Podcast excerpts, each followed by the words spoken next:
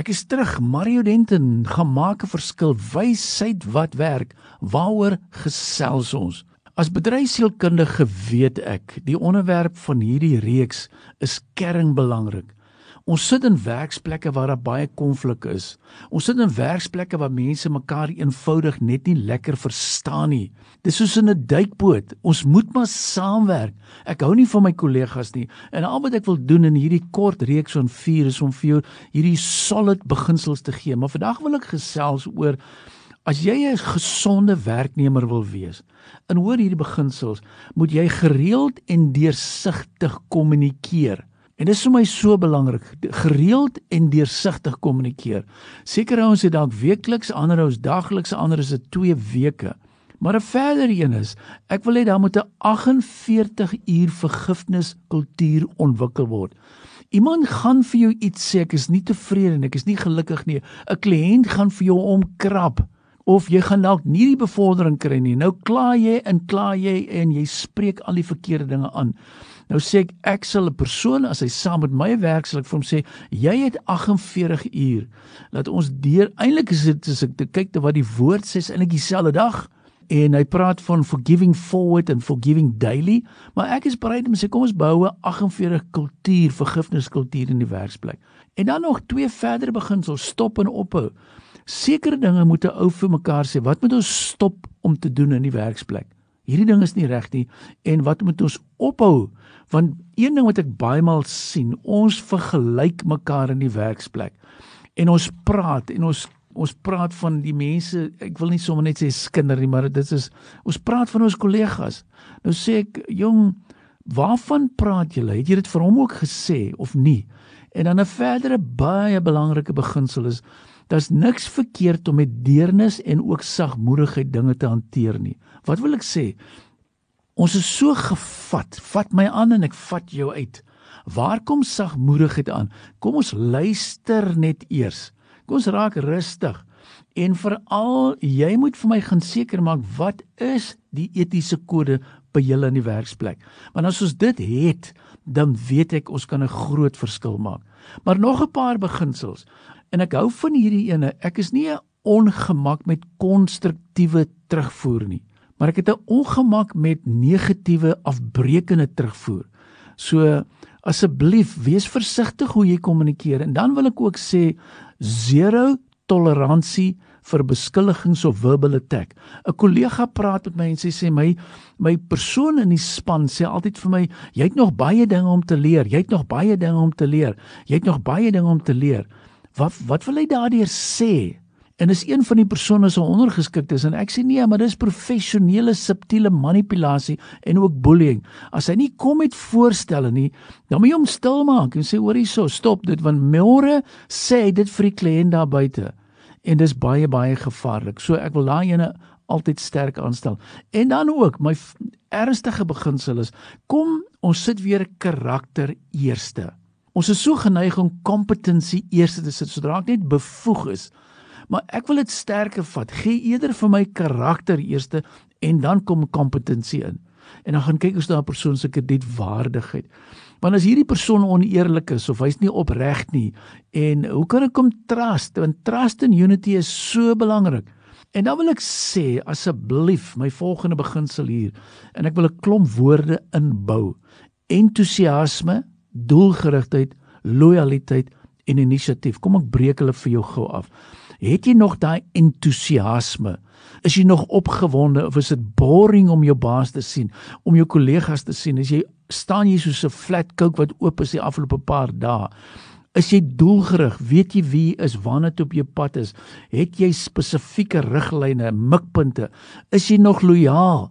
Want as jy nie is, moet jy uitklim. Ek sê altyd, ek kan verstaan as 'n ou bedank, maar nou soek ek soek sy lojaliteit. Ek moenie vir my sê as 'n mens 'n hond kry, dan gaan jy lojaliteit kry. Dis nie waar nie. Ek soek lojaliteit in die werksplek en dan asseblief inisiatief. Kan ek met nuwe voorstelle voor 'n dag kom?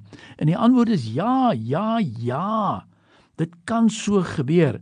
En en dis hoekom ek sê, jy moet net onthou, jy is die lig daar in die werksplek. Jy moet skyn daai in daai donkerte. En jy kan maar kyk wat sê die woord.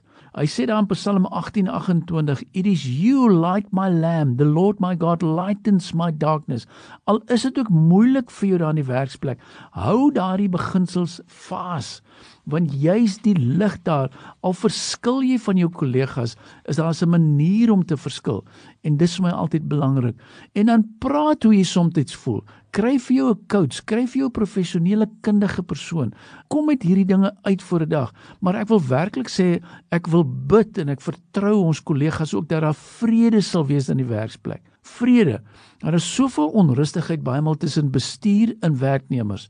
Ek moet nou 'n groot projek doen en ek kan duidelik agterkom daar is konflik en daar is onregverdigheid en daar is nie vrede nie. En dis hoekom ek die woord van Johannes 14:27 baie sterk hier aanbeveel peace I leave with you. My peace I give you. I do not give you as the world gives. Do not let your hearts be troubled and do not be afraid. So ek spreek lewe vir jou uit.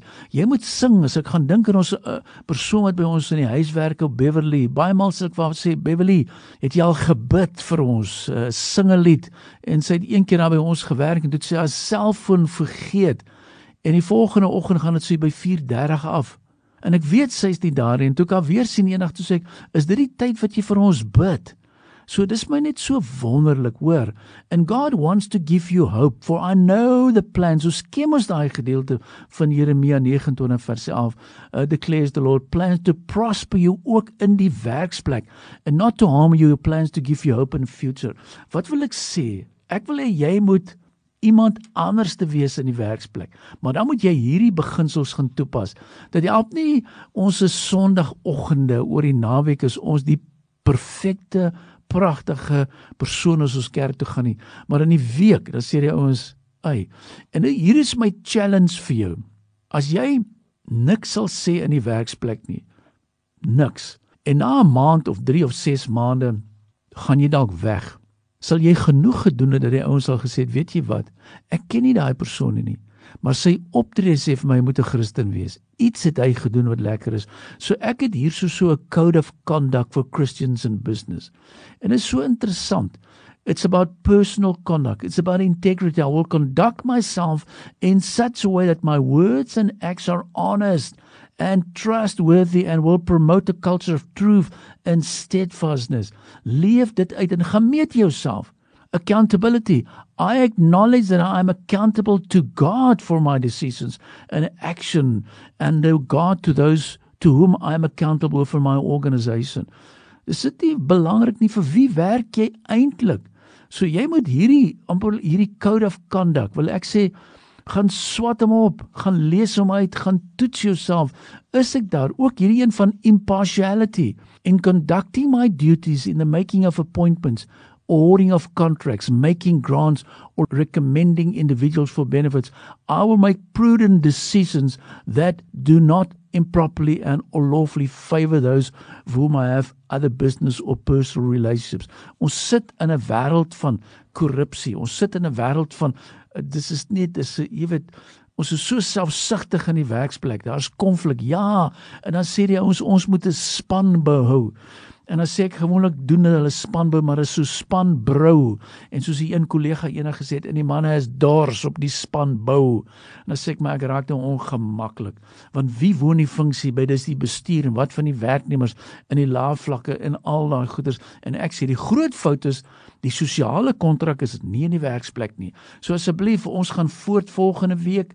Dis 'n great stukkie ek herhaal gou die beginsels die konstruktiewe terugvoer, zelo toleransie en met verbal abuse, eerlikheid, opregtheid, entoesiasme, doelgerigtheid, lojaliteit en inisiatief. Skakel my met die WhatsApp nommer 08288 29903 0828829903 en ek stuur hierdie sosiale kontrak vir jou aan. Sit net vir my duidelik sosiale kontrak want ek weet ek doen baie maal praatjies en dan sê die ou sê ouens stuur dit vir my aan. Sê ek wonder wat moet ek nou weer aanstuur. So sit net daai woorde in sosiale kontrak.